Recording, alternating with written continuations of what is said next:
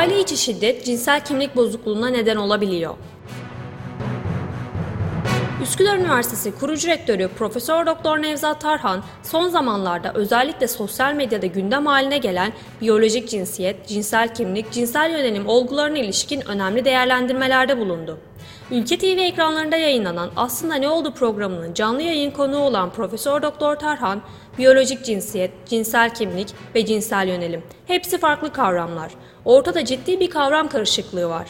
ABD'de uzun yıllar üçüncü cinsel kimlikle ilgili bir genetik dizilim var mı diye araştırmalar yapıldı. Fakat araştırmalar sonucunda hiçbir gen bulunamadı ifadelerini kullandı. Çevresel faktörlerin cinsel kimliğin oluşmasında etkili olabileceğinin altını çizen Tarhan, aileye önemli uyarılarda bulundu. Tarhan, aile içi şiddetin cinsel kimlik bozukluğuna neden olabileceğinin de altını çizdi.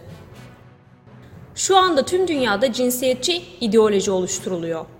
Eşcinsellikle ilgili bütün dünyada küresel bir tavsiye olduğunu dile getiren Tarhan, cinsel kimlik ve toplumsal cinsiyetle ilgili projeler küresel olarak çok artan dünya nüfusunun planlanması için oluşturulan bir durum. Nüfusun artışını önlemek, durdurmak için geliştirilmiş bir proje.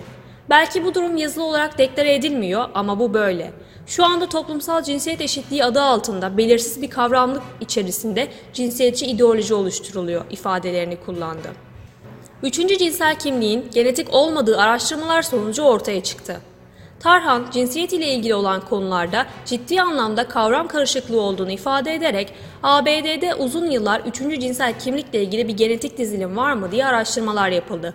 Fakat araştırmalar sonucunda hiçbir gen bulunamadı. Üçüncü cinsel kimliğin genetik olmadığı araştırmalar sonucu ortaya çıktı ve daha sonra şu üç kavram birbirinden ayrıldı. Burada önemli olan kavram karışıklığının olmaması. Biyolojik cinsiyet diye bir kavram var. Genetik dizilim diye de geçer.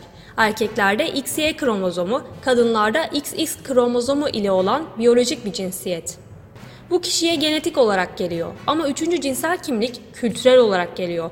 Buna cinsel kimlik, sosyal kimlik deniyor. Sosyal kimlik doğuştan gelmiyor, sonradan öğreniliyor. Mesela bir kız çocuğunu erkeklerin arasında büyütürseniz erkek gibi oluyor. Erkek çocuğunu da kızlar arasında büyütürseniz kız gibi oluyor. Hatta bununla ilgili son zamanlarda bir örnek çıktı. Vahşi çocuk örneği. Ukrayna'da 10-12 yaşlarında bir çocuk bulunuyor. Ve bu çocuk kız mı erkek mi belli değil. Davranışlarından da bu anlaşılamıyor. Sonradan ailesi inceleniyor ve Ukrayna'da dağda yaşayan bir aile, annesi ve babası alkolik ve çocuk köpeklerin arasında büyüyor. Davranışları bir köpekle aynı olduğu gözlemleniyor. Bu çocuğu ayağa kaldırıp yürütmek için çok uzun uğraşlar veriliyor ve kısmen başarılı oluyorlar. Bu çocuğu bırakın cinsel kimliği insan olmayı bile öğrenememiş. Bütün bunlar bize şu sonuçları veriyor. Biyolojik cinsiyet doğuştan ama cinsel kimlik sosyal öğrenme ile oluşuyor. Biz çocuğumuzu nasıl yetiştirirsek çocuğumuz ona göre kimlik geliştiriyor. Eğer biz çocuğumuzu eşcinsel kimlikle yetiştirirsek çocuk o şekilde oluyor. Üçüncüsü de cinsel yönelim. Burada da Japonya'daki samuray savaşçılarını örnek gösterebiliriz. Onlar da sadece çocuk olacağı zaman eşlerinin yanlarına gelirler. Kalan hayatlarını eşcinsel olarak sürdürürler ifadelerini kullandı. Aile içi şiddet cinsel kimliği etkiliyor aile tutumlarının cinsel kimliğin gelişmesine etki ettiğini, özellikle de anne ve baba tutumlarının çok belirleyici olduğunu belirten Profesör Doktor Nevzat Tarhan, ailedeki anne ve baba rollerinin ve çevrenin bireyin cinsel kimlik gelişimine etkisinin altını çizdi. Aile içi şiddetin cinsel kimlik bozukluğuna neden olabileceğini belirten Tarhan şu değerlendirmelerde bulundu. Özellikle 18 yaş altındaki çocuklar bize gösteriyor ki ailede zayıf baba, dominant anne var. Bu durumlarda olabileceği gibi örneğin şiddet uygulayan bir baba figürü olduğu zaman da benzer durum ortaya çıkıyor. Baba şiddet uyguladığı için anne erkek karşıtı bir anne oluyor. Şiddet nedeniyle erkekleri sevmeyen, baba rolünü kötüleyen bir anne tablosu ortaya çıkıyor. Böyle bir ortamda yaşayan erkek çocuk ise cinsel özdeşimini baba ile yapması gerekirken anne ile yapmayı tercih ediyor. Anneyi sadece sosyal rollerde değil, cinsel kimlik rolünde de benimsiyor ve çocuk küçük yaşta bunu içselleştirdiği için epigenetik değişim oluyor. Yani çevrenin geni değiştirmesi ve bu öyle bir durum ki eğer epigenetik durum yerleşirse bir iki nesil devam edebiliyor şeklinde konuştu. İnsanlığın en büyük keşfi ailedir. Eşcinselliği meşrulaştırmak konusunda şu anda kısıtlayıcı bir yasa olmadığını belirten Tarhan, bu konu hakkında şu anda hiçbir yasa yok özgürlük çağındayız. O halde bunu koruyacak şey sosyal normlardır. Sosyal normlar ahlaki normlar ve aile normlarıdır. Şu anda ailedeki duvarlar yıkıldı. Aile toplumun son kalesi. İnsanlığın en büyük keşfi ailedir. Biz eğer aile mefhumunu korumazsak bir iki nesil sonra insanlık ensesti de normal görecektir. Şu anda ABD'de açık evlilikler gayet normal karşılanıyor. Pedofiliyi özgürlük olarak gören, ensesti özgürlük olarak gören bir duruma toplumun ve bizlerin hayır deme hakkı var şeklinde konuştu. Anne babanın onaylamama hakkı var. Anne babanın 18 yaşındaki bir çocuğa müdahale edebilme hakkı olduğunu belirten Tarhan, çocuk gelip anne babasına ben böyle olmak istiyorum dediği zaman anne baba oğlum kızım bu senin isteğin, hayat senin, karar senin dememeli.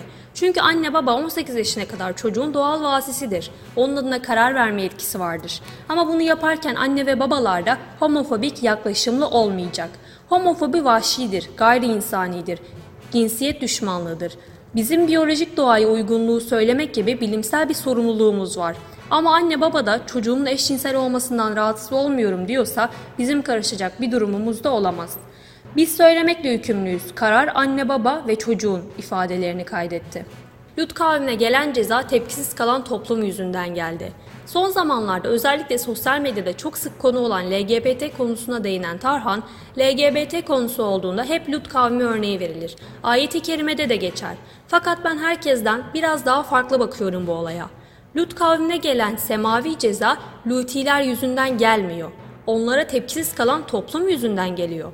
Çünkü Lutiler o zaman bir çeteymiş. Toplumun çoğu ibadet edenlerden olmalarına rağmen ilgisiz ve tepkisiz kalıyorlar. Bizim de bunu örnek alıp bazı şeylere karşı tepkisiz kalmamamız, daha doğrusu fikrimizi belirtmemiz demokratik bir hak olarak gerekiyor, dedi. Cinsel eğitim çocuğa küçük yaştan itibaren verilmeli. Eşcinsellik konusundaki nihai amacın eşcinsel evlilikleri yaymak olduğuna ve ailelere düşen görevlere dikkat çeken Tarhan, buradaki nihai neden kadın erkek evlilikleri gibi eşcinsel evlilikler için de yasa çıkartmak.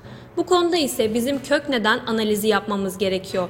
Kök neden analizi bizi sebeplere götürür ve biz sebepleri düzeltmeden sonuçları düzeltmeye çalışırsak geçici çözümler bulmuş oluruz. İnternet şu anda evin açık kapısı, riskli. Çocuğun iç dünyasına her türlü olumlu, olumsuz bilgiler bu kapıdan giriyor. Erotik materyallere çok rahat ulaşabiliyor. Cinsel eğitim çocuklara küçük yaştan itibaren verilmeli. Kişinin haz alanları çocukluğundan itibaren oluşur.